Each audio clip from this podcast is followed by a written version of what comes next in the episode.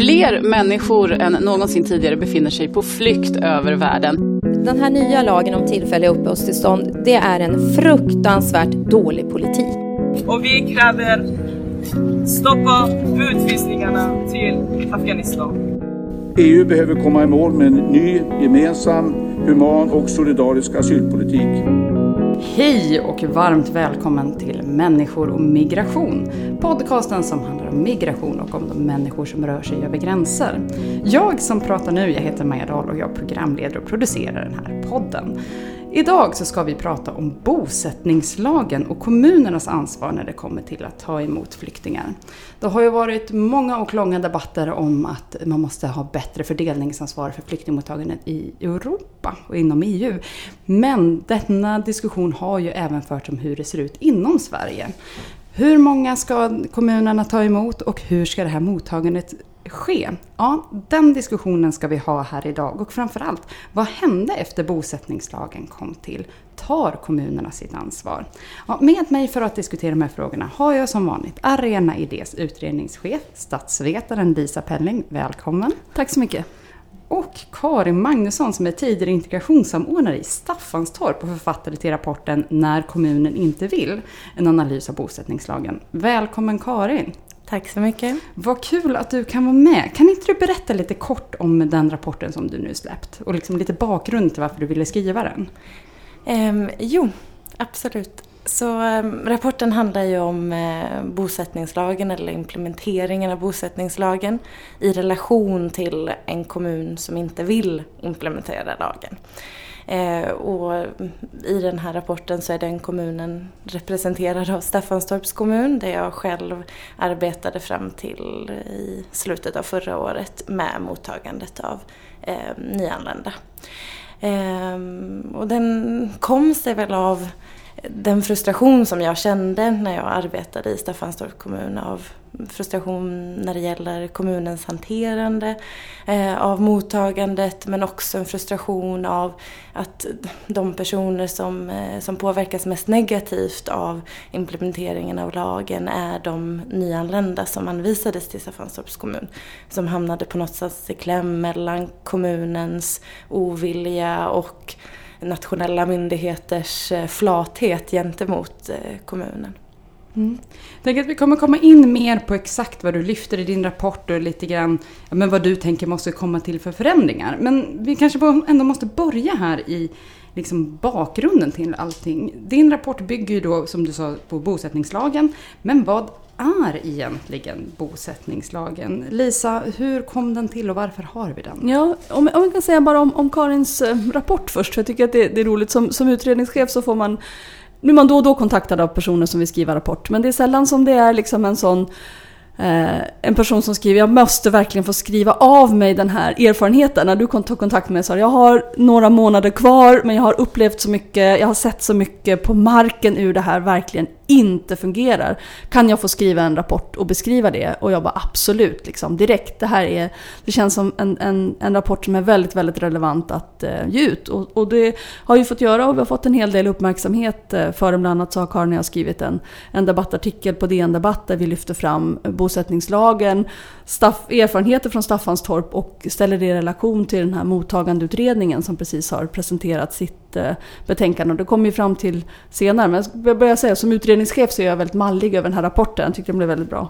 Men nu ställer du en fråga om bosättningslagen. Vad, ja. Hur kom den till?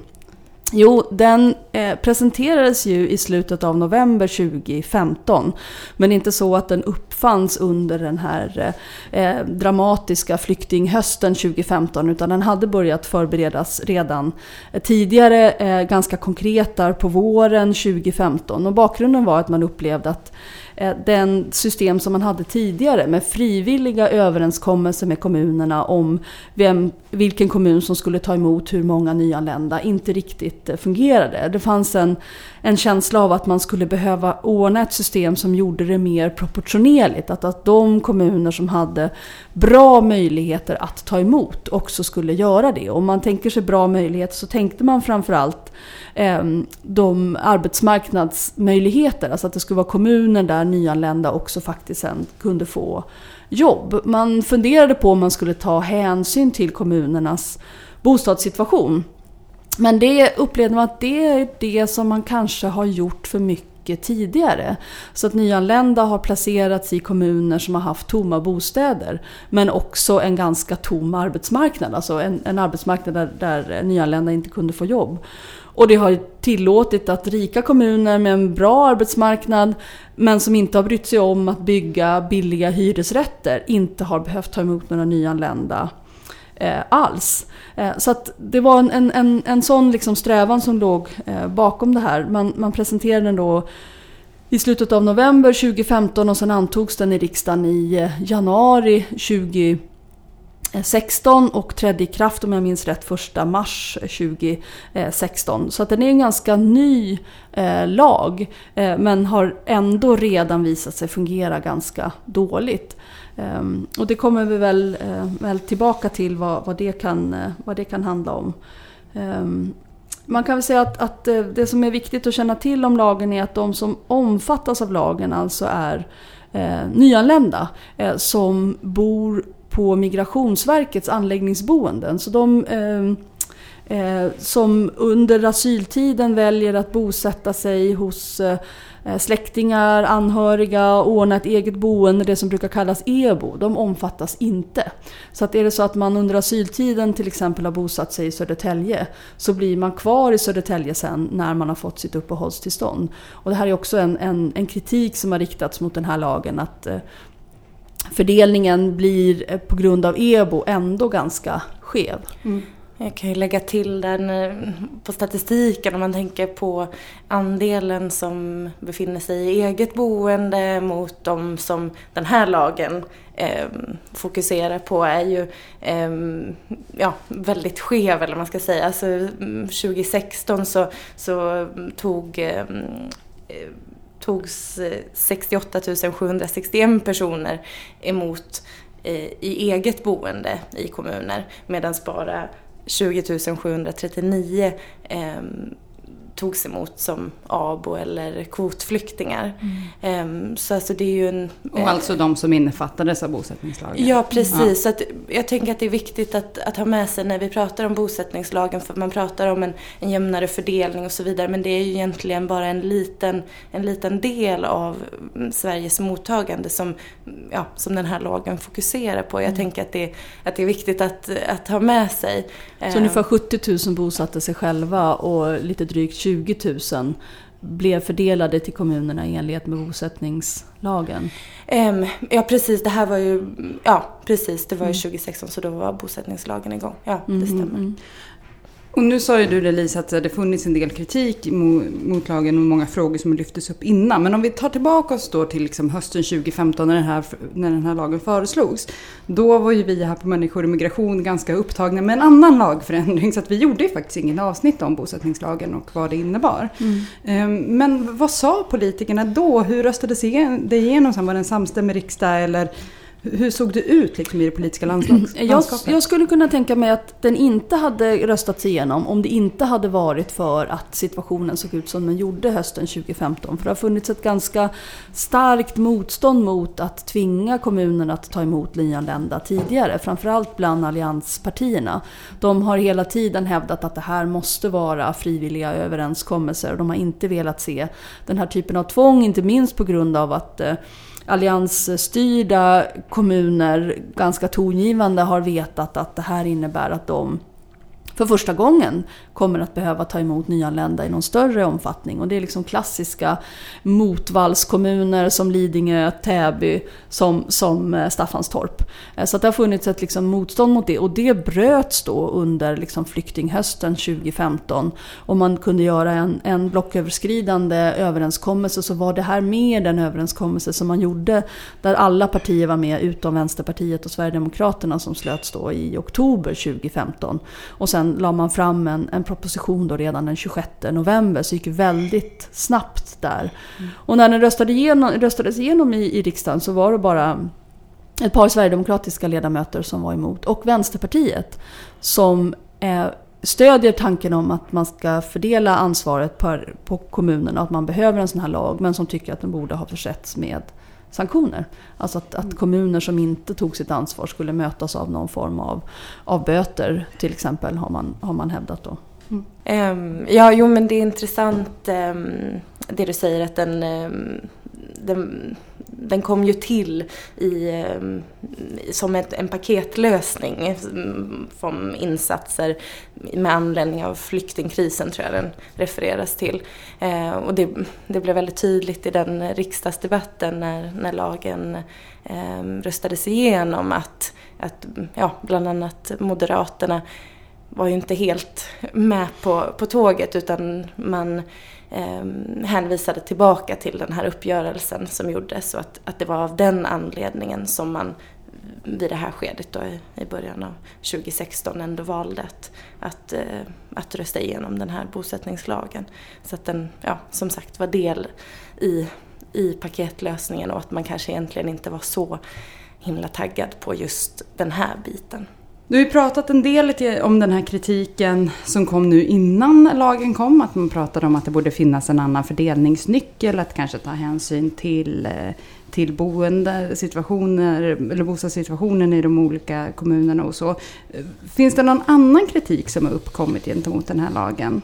Eh, den, den huvudsakliga kritiken har ju varit det här att kommuner kan eh, dra sig undan sitt ansvar. Att de kan fuska och det är det som Karins eh, rapport illustrerar så väl. Alltså är en kommun motvillig så kan man de facto hindra nyanlända från att bosätta sig i kommunen. Det som också har uppstått nu när lagen har varit i kraft i två år är att vissa kommuner har tolkat det som att de har ansvar för nyanlända under de första två åren och att de sen inte har något ansvar, vilket har lett till en enormt stor oro, inte minst hos nyanlända i Lidingö till exempel, eller i Täby som plötsligt får besked av kommunledningen, nu har vi inget ansvar för det längre. Det finstilta är att kommuner har det. De kommuner har ansvar för alla som är skrivna i kommuner och det är de nyanlända. Så det som händer är att de vräks ena dagen och nästa dag så har de rätt att gå till kommunens eh, socialkontor och få hjälp med någon form av akutbostad.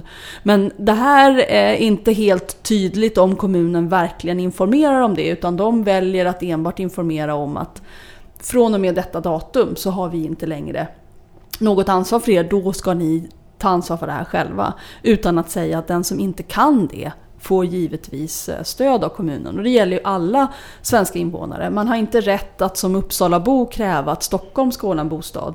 Men som Uppsalabo har du rätt att kräva av Uppsala kommun att man får någon form av tak över huvudet. Så, så ser liksom socialtjänstlagen ut. Då har vi lite bättre koll helt enkelt på vad som gäller kring bosättningslagen och nu tycker jag vi djupdyker in i din rapport Karin.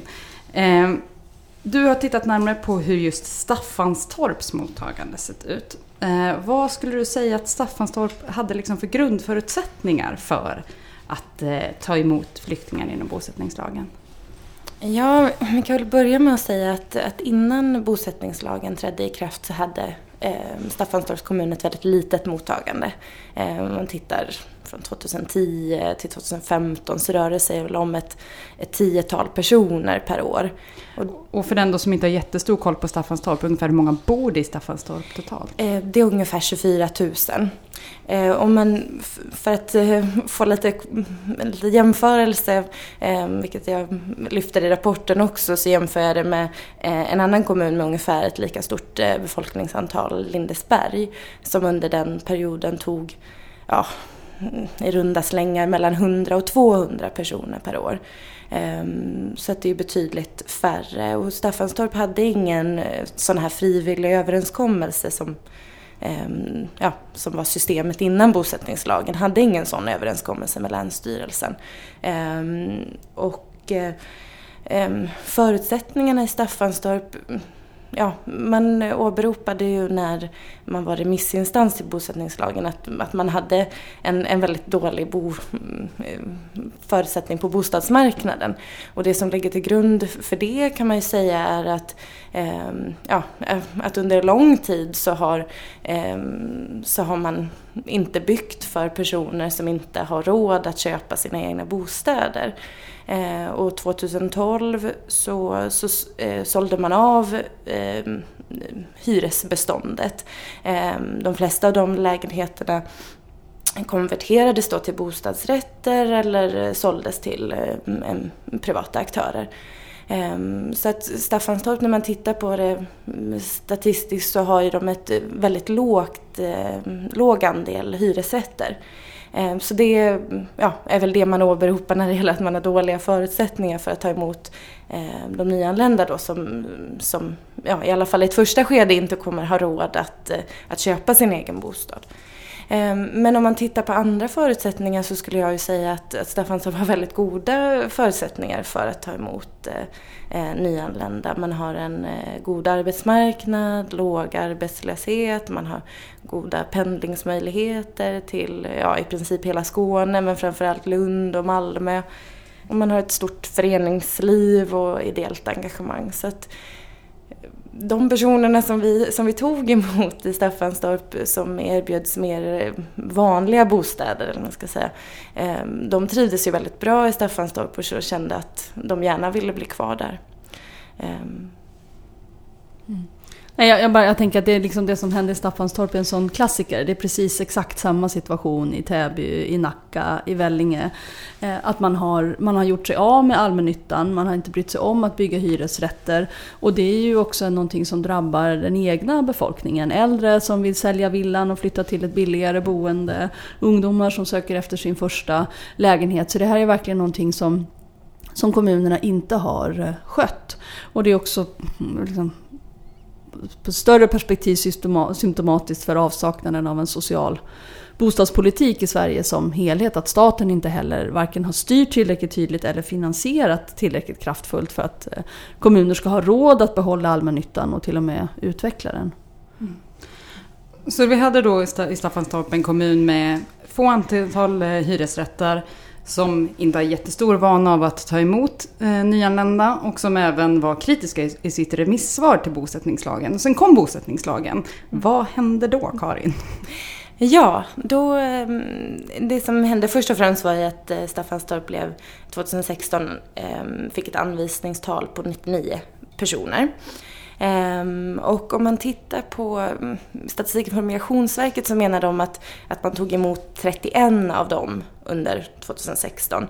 Jag känner inte riktigt igen den siffran från, eh, från när jag arbetade där jag skulle säga att under 2016 så tog vi kanske emot ett 60-tal personer.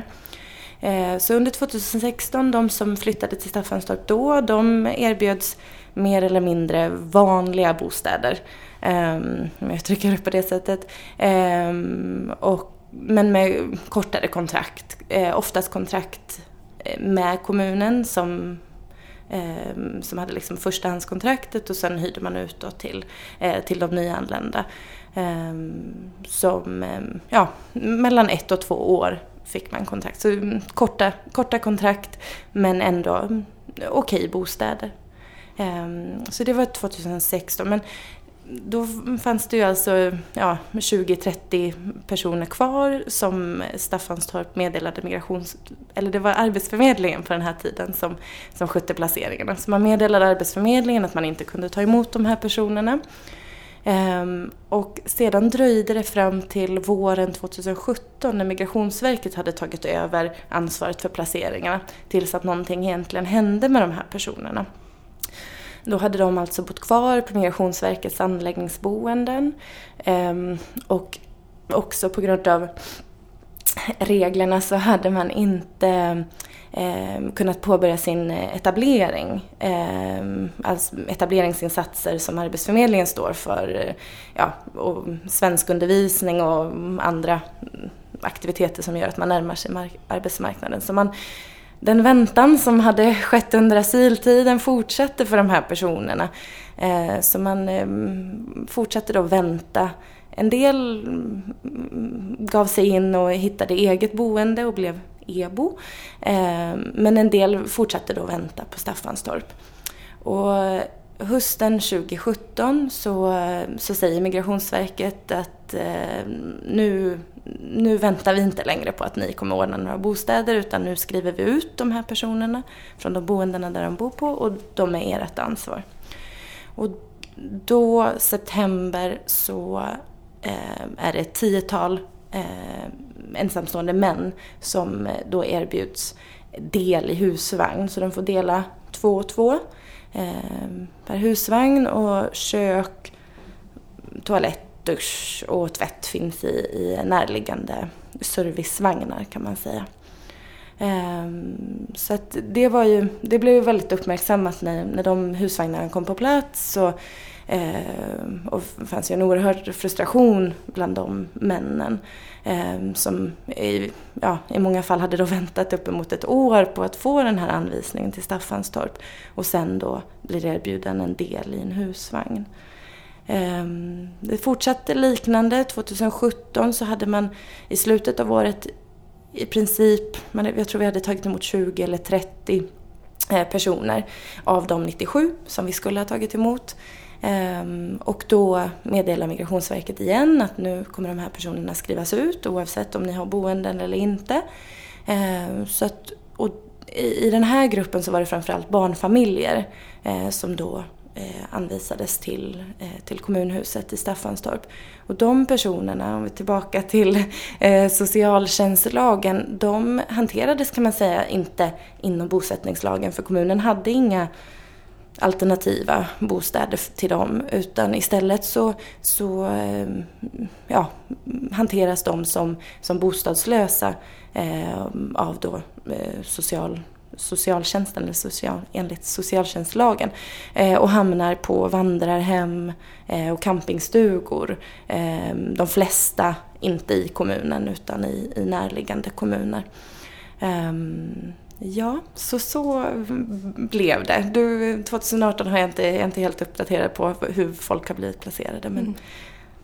Du sa att en av konsekvenserna över att det tar så här lång tid för de nyanlända är att de inte kommer in i etableringsprogrammen. Eh, en annan konsekvens som du lyfter här i din rapport är ju att man även inte får del av etableringsbidraget. Ja, eh, det stämmer. Mm. Det stämmer. Eh, alltså, så man, man bor kvar som när man gjorde när man var asylsökande. Eh, när man har bott på Migrationsverket, varit folkbord folkbokförd på Migrationsverkets boenden i ett år efter att man fick sitt uppehållstillstånd, då får man börja sin etablering. Och en del av de som, männen som flyttade in i husvagnar, de hade faktiskt eh, gjort det. Och, och börjat då med, med, med svenskundervisningen, vilket eh, var ju bra för dem. Men, mm. men de flesta som eh, som kom till Staffanstorp hade ju bara varit i, i väntans mm. tider. Alltså ungefär ett och ett halvt, två år under asyltiden och sen då ja, uppemot ett år till. Eh, deras barn gick i skola och hade kanske fått byta skola flera gånger men, men föräldrarna hade oftast inte haft någon tillgång till svenskundervisning. Mm. Lisa, som statsvetare, hur tänker du på liksom konsekvenserna för, för liksom samhällsbygget och etableringsuppdraget som ändå finns för kommunerna när det blir en sån här eh, förskjutning och för, att de får vänta så himla länge. Mm. Nej, det finns ju en, en, tendens i samhället just nu att liksom vara väldigt individfokuserad när det gäller eh, integrationen. Det finns en tendens i samhällsdebatten att eh, beskriva eh, nyanlända som personer som behöver utsättas för tvång och krav. Man pratar om språkplikt, man säger att man ska, eh, säger Socialdemokraterna, Moderaterna pratar om att man ska eh, vara tillgänglig eh, mm, på heltid, om man eh, har arbetsförmåga och inte har ett jobb. Alltså det finns en stor liksom fokus på det. Och så, och så det här som visar att många nyanlända är liksom offer för ett system som omöjliggör etablering, som tvingar människor först att genomlida ohyggligt långa väntetider på att överhuvudtaget få besked om att få asyl med allt vad det innebär för psykisk ohälsa, otrygghet för barnen, en omöjlighet att liksom överhuvudtaget planera sitt liv.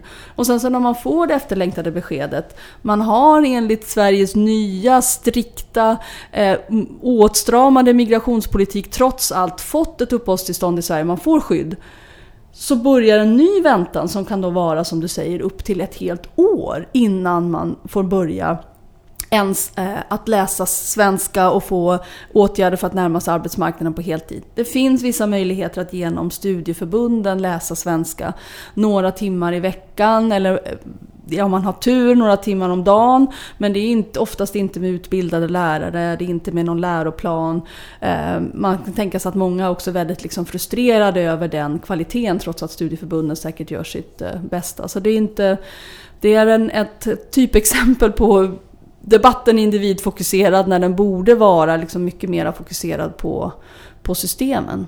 Eh, och, och, och, sen skulle den här lagen skulle lösa problemet med att en stad som Malmö får ta emot oproportionerligt många nyanlända. Det är en utmaning för alla kommuner att ta emot nyanlända eftersom man som nyanländ har väldigt små resurser, kan ha några år kvar innan man kan börja, eh, man får ett jobb och kan börja betala kommunalskatt. Det, det, är en belastning för alla kommuner. Att det är orimligt att kommuner som redan har ett eh, en låg, ett svagt skatteunderlag ska få en oproportionerligt hög andel av, av nyanlända medan kommuner som är rika med alla mått mätt, som Vellinge, som Staffanstorp, som Täby, som Nacka, som Lidingö, får en oproportionerligt liten andel av, av de här eh, personerna.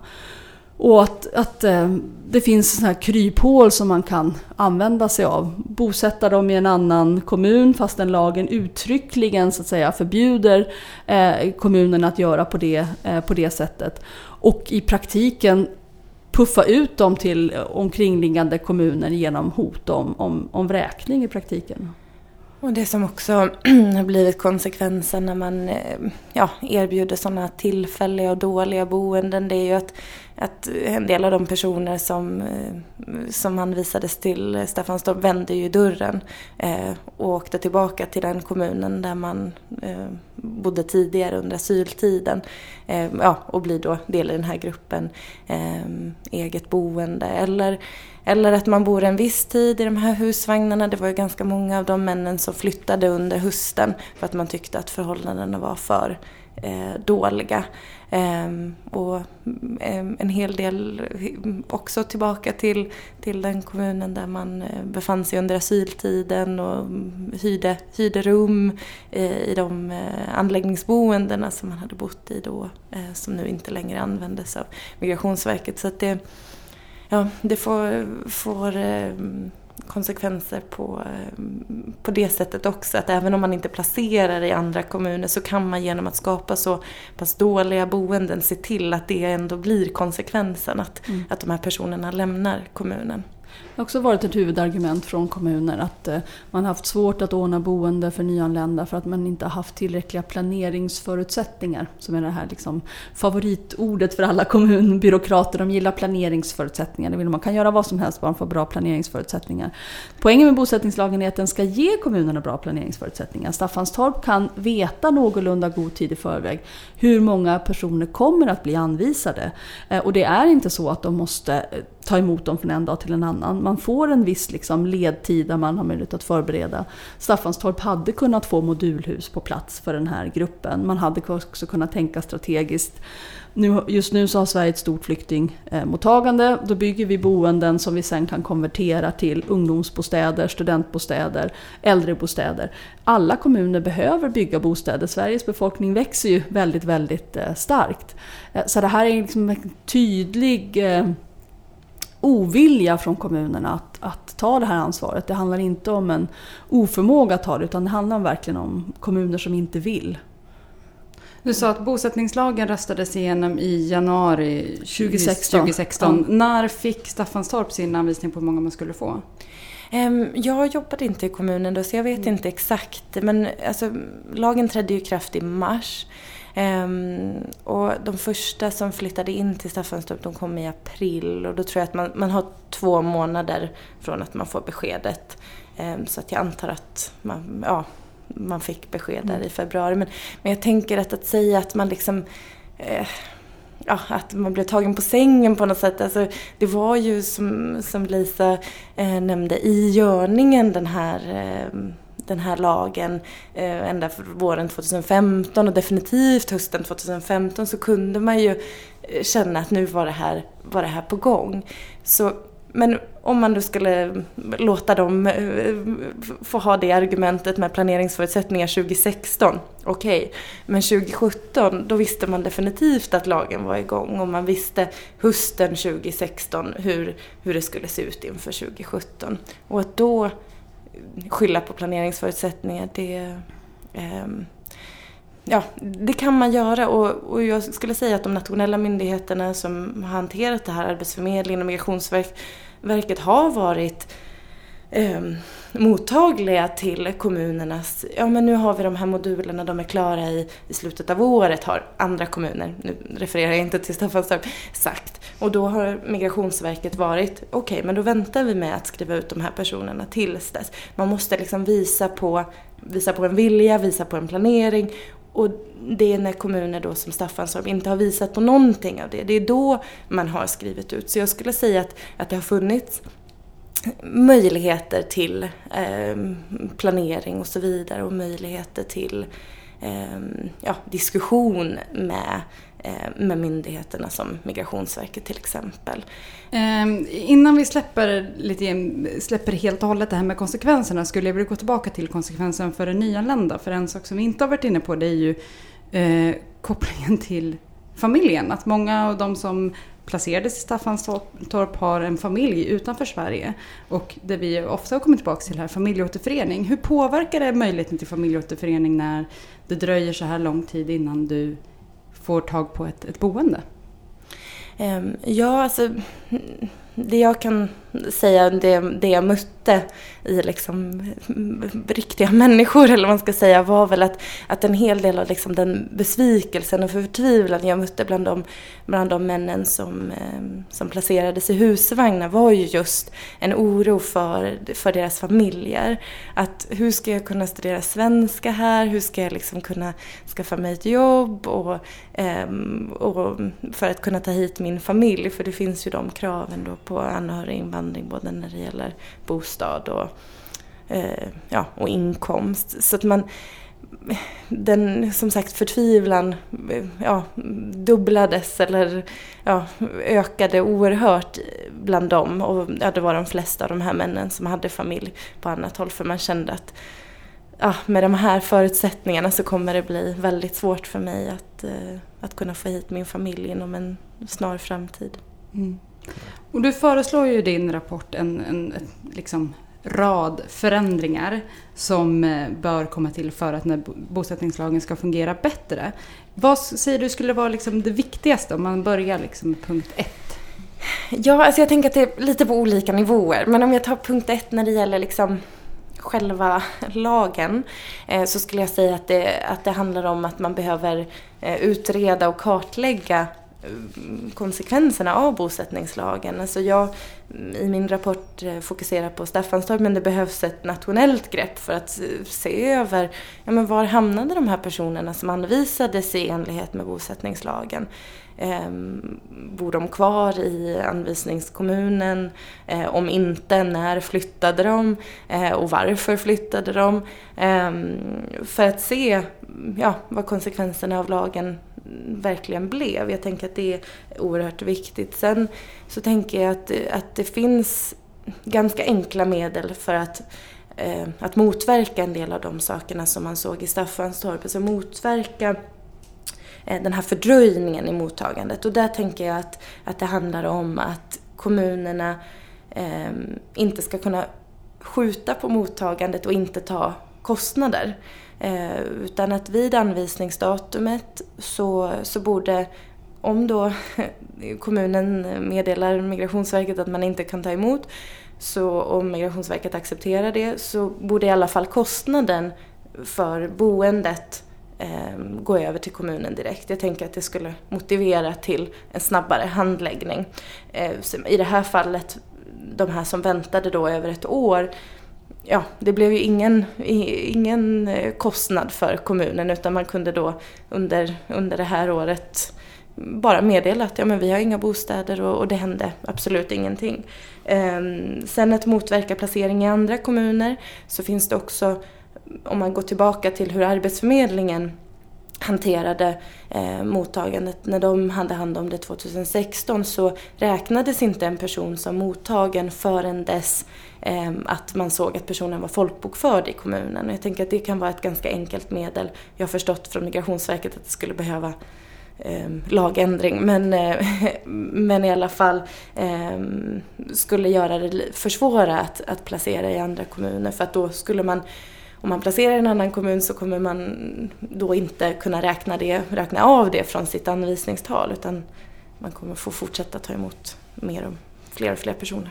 Lisa, vad tänker du? Vad, vad ser du skulle behöva liksom komma till? Ja, nej, men jag, jag tror att de här, det här är väldigt eh, kloka förslag. Det är precis så här man måste göra. Någon form av liksom sanktioner och böter. Det verkar helt naturligt, det borde man kunna införa redan nu, att det är så självklart att kommuner som, som vill skjuta upp sitt mottagande då får stå för boendekostnaden på Migrationsverkets anläggningsboende. Eh, de, de, de får hyra de platserna av Migrationsverket under den tiden helt enkelt. Och sen, och sen eh, se till att ordna boende. Det skulle ju sätta liksom Liksom ett, ett bra eh, incitament. Men, men, och så skulle man också behöva liksom förhindra att man under den här tiden bosätter i andra kommuner. Det som är lite svårare att göra någonting åt det är ju den här skrämseltaktiken. Att samla ihop alla nyanlända i en stor hörsal som är Lidingö och deklarera för alla. Eh, vi säger upp era kontrakt nu. Ni ställs på gatan, varsågoda. Och sen bara liksom i en bisats säga jo förresten, vi har en socialtjänst här. Eh, men inte mer än så. Jag, jag kan tänka mig att de här unga papporna, för en del var ju unga pappor liksom som kommer till Vellinge, eller till Staffanstorp förlåt, och som, som har eh, fru, barn kvar i, i, i landet man precis har flytt ifrån. Som blir anvisade en, en eh, husvagn och som får besked om att det är detta vi har i den här kommunen. Om man inte själv kan ordna sitt boende, då får man dela husvagn med en annan ensamstående man. Och man har en toalett och en dusch någonstans utomhus dit man måste gå även i, i minusgrader. Att, att liksom möta människor med, eh, med det. Det är klart att, att vem som helst i den situationen så fort som möjligt skulle försöka söka sig till någonting som var åtminstone lite bättre. Och då blir konsekvensen att man hamnar hos släktingar, anhöriga i Malmö och då blir Malmös förmåga att, att ta emot på ett rimligt värdigt sätt eh, undergrävd. Sen um, tillbaka till vad jag tycker är viktigt alltså, så finns det en annan sak som jag tycker är viktig som kanske inte är så eh, Ja, den är kopplad till bosättningslagen men kanske egentligen mer till en annan lag som handlar om kommunernas bostadsförsörjningsansvar. Eh, att det finns en bostadsbrist i Sverige, vi pratar ofta om den, men det jag tycker är viktigt att, att poängtera är att den bostadsbristen är inte för alla. Utan det är en bostadsbrist för de personerna som inte kan köpa sin egen bostad. Om du kan köpa din bostad så kan du i princip få en bostad imorgon. Nej, kanske inte riktigt, men inom en rimlig väntetid. Men jag tycker att vi måste fokusera på att bostadsbristen är för personer med låga inkomster och det handlar inte bara om nyanlända. Det tycker jag också är viktigt i den här debatten att ehm, att, att poängtera för att det känns som att det är en, en del eh, medier så har, det liksom, har man på något sätt fått det att låta som att det här är ett nytt problem och det är de nyanlända som orsakar att det är bostadsbrist i Sverige. Ehm, jag tänker att det är ett större problem än så och det handlar inte bara om nyanlända utan det handlar om andra ehm, grupper med, med låga inkomster och att staten måste tillbaka till den här lagen om kommunernas bostadsförsörjningsansvar och se över hur kan vi göra för att se till att, att alla kommuner ehm, ja, ja, ser till att det finns bostäder även för personer med låga inkomster och inte bara bygger för, för höginkomsttagare och sen ja, ser, ser till att skapa så dåliga förutsättningar att, att, att resten flyttar på sig. Jag såg eh, alldeles nyligen på Barbro Engman, hon var Hyresgästföreningens ordförande under många år. Hon har gjort en egen eh, film som heter 100 år av repriser som handlar om 100 år av svensk bostadspolitik. Och där finns det här liksom klassiska klippet med från eh, valrörelsen inför kommunalvalen i Sverige 1966 när Tage Lander utsätts för frågan av de liksom kostymklädda TV-moderatorerna. Vad är ert råd till ett ungt par som vill gifta sig? De är inte heller rika och han säger att hans råd är att de ska ställa sig i bostadskön.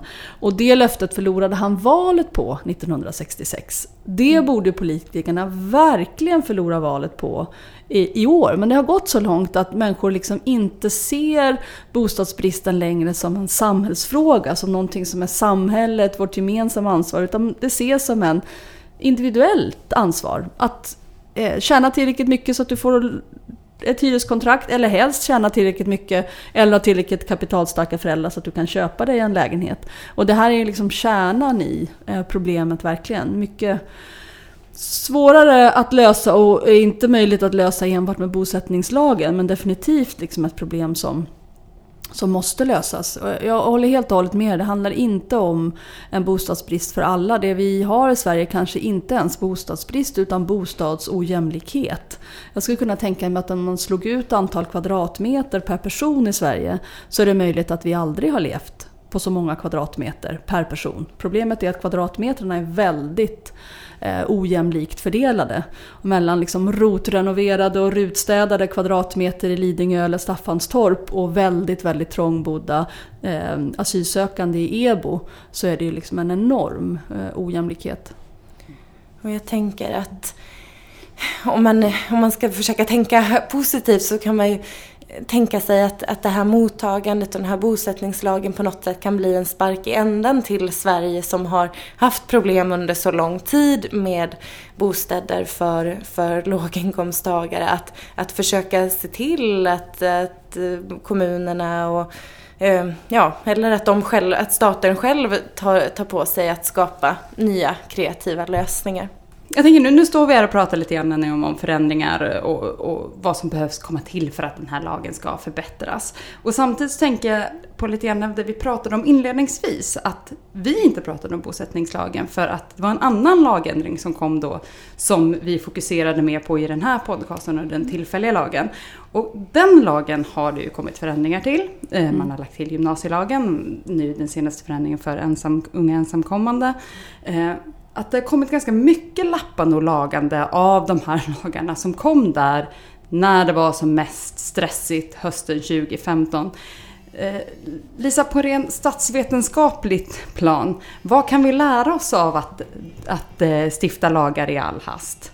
Ja, men jag, jag, jag, jag tänker att eh, det är klart att det inte är bra att stressa fram lagstiftning. Samtidigt så tänker jag just med bosättningslagen så var det nog ganska klokt att försöka smida medan järnet var varmt. Att, att eh, lägga in det här i en överenskommelse där vissa saker sved mer än andra för Socialdemokraterna och Partisterna och det här sved rejält för Moderaterna men det var en del av en, av en, liksom en, en, en överenskommelse över blockgränserna. Att den inte blev perfekt, ja det har att göra med att en del partier inte ville ha den här lagen överhuvudtaget. Eh, och de som ville ha den här lagen och de som vill ha sanktioner har inte en majoritet i Sveriges riksdag. Så det fanns inte liksom en, en möjlighet att genomdriva en sån, Eh, en sån lag, även om det hade varit mest önskvärt. Men jag håller verkligen med Karin i att, att nu behöver man utvärdera den och se var hamnade de som skulle fördelas? Blev det den proportionerliga ansvarstagande som lagen syftade till? Om det inte blev det, vilka förändringar skulle man behöva eh, göra för att åstadkomma det? Om partierna så att säga, fortfarande är överens om grundprincipen så borde de ju vara överens om att eh, både utvärdera och sen, och sen justera. Mm. Och jag sa att vi inte gjorde ett avsnitt om den här lagen när den föreslogs, men att vi gör det nu. Och det är kanske inte så konstigt för att det börjar återigen diskuteras om kommunernas mottagande. Eh, och man gör det i och med att mottagandeutredningen presenterades nu här i vår.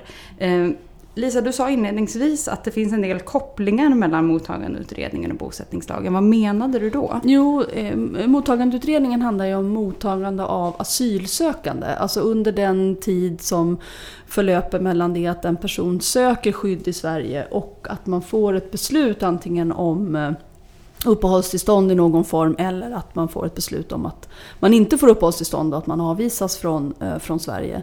Eh, och mottagandeutredningen har haft samma uppdrag som eh, när det gäller bosättningslagen, det vill säga att fundera på hur man kan få ett eh, proportionerligt mottagande av asylsökande i Sverige. Hur ansvaret för att ta emot de som söker skydd här ska kunna fördelas jämnare över eh, kommunerna. Och, och då eh, tog Karin och jag chansen och skrev en, en, en artikel på DN Debatt om att eh, mottagandeutredningen lider av precis samma feltänk eller eh, brister som eh, bosättningslagen, det vill säga att det inte finns några sanktioner för de kommuner som inte vill ta emot eh, asylsökande. Och att man riskerar att eh, eh, samma problem uppstår igen förutom det här att, att liksom, det är klart att det strukturella problemet med bostadsojämlikhet, med den, med den liksom eh, skriande bristen för, på bostäder för människor med låga inkomster såklart också ställer till det för eh, asylsökande. sen, sen, måste man väl lägga till när det gäller mottagandeutredningen att det finns delar av den som är ännu mera upprörande. Och då tänker jag framförallt på den här tanken om att man ska samla asylsökande i särskilda ankomstcenter slash eh, burar i närheten av eh, flygplatser så att man ska kunna snabba på inte bara eh, asyl, prövan av asylansökan utan också framförallt är ju syftet att man ska kunna snabba på eh, deportationer.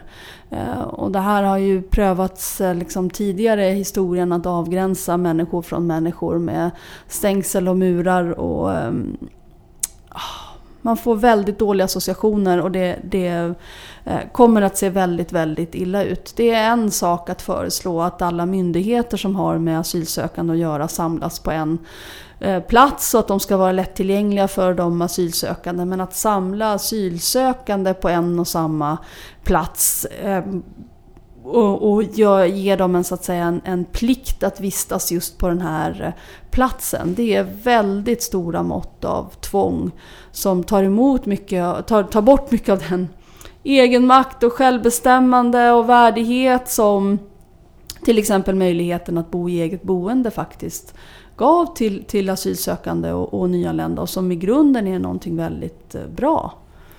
Vi kommer ju göra ett eget avsnitt om mottagandeutredningen nu eh, under våren. Eh, så att du kommer få anledning till att skälla lite mer på den sen Lisa. Men innan vi avslutar dagens avsnitt om bosättningslagen. Karin, nu när vi liksom har gått igenom och grottat ner oss i din rapport. Finns det någonting ändå du kan säga om tiden som integrationssamordnare i Staffanstorp som, som du tar med dig vidare liksom i livet som inte ryms i rapporten? Eh, ja, gud, det finns jättemånga saker.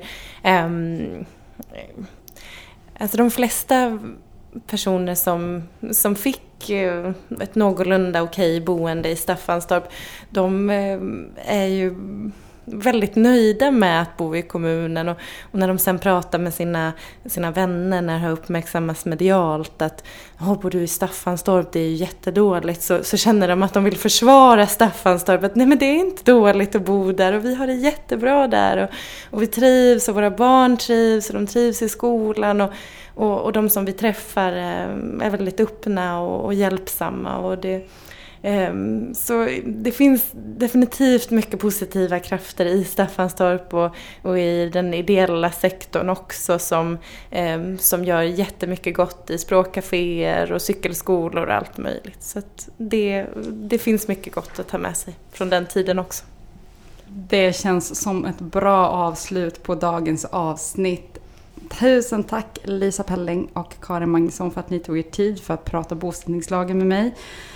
Tusen tack till du som har, dig som har lyssnat. Nästa avsnitt om människor och migration, ja det kommer om, om två veckor. Vi har varit lite dåliga på att släppa avsnitt men det vi, vi får skylla på mig. Jag bytte jobb men jag kommer fortsätta producera den här podden. Så nu, från och med nu så var fjortonde dag så lovar vi att det kommer ett människor och migration. Det låter bra. Det är jag som har längtat efter att få komma ut i etern. Ja.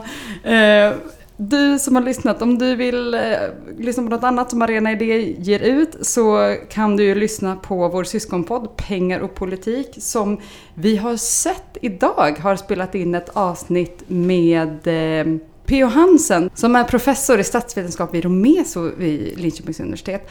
Eh, och kan jättemycket om de här frågorna så jag antar att de kommer prata om integration. Eh, ja, de har nog pratat om flykting-keynesianism och om hur eh, mottagandet av nyanlända har lett till en enorm boost för kommuners eh, ekonomi. Så en jättespännande perspektiv. Så det kommer vi gärna lyssna på. Ja, det blir ett helt annat perspektiv än vad vi haft här idag. Så det kan ni lyssna på. Den, den podden och andra poddar som Arena Idéer ut hittar ni antingen via iTunes, Soundcloud eller där poddar finns. Vi använder er podcastapp så hittar ni dem där. Har ni frågor eller kommentarer på dagens avsnitt så går det bra att antingen twittra det till oss på attarenaidé eller skriva det på vår Facebook-sida. Sök på människor och migration så hittar ni oss där. Vi har fått in en jättelång och jätteintressant kommentar per mail angående avsnittet om, som vi gjorde om språkförskjutningen inom migrationsfrågor. Och jag tänker att vi kanske får ta ett helt avsnitt till att, att eh, reda ut den. Så vi lovar att eh, återkomma med svar på de kommentarer som kom in. Det är roligt att se att ett avsnitt eh, genererar en hel uppsats i ett mejl. så att, eh, tusen tack till er som har lyssnat för att ni är så engagerade och tack Lisa och Karin. Vi hörs igen om två veckor.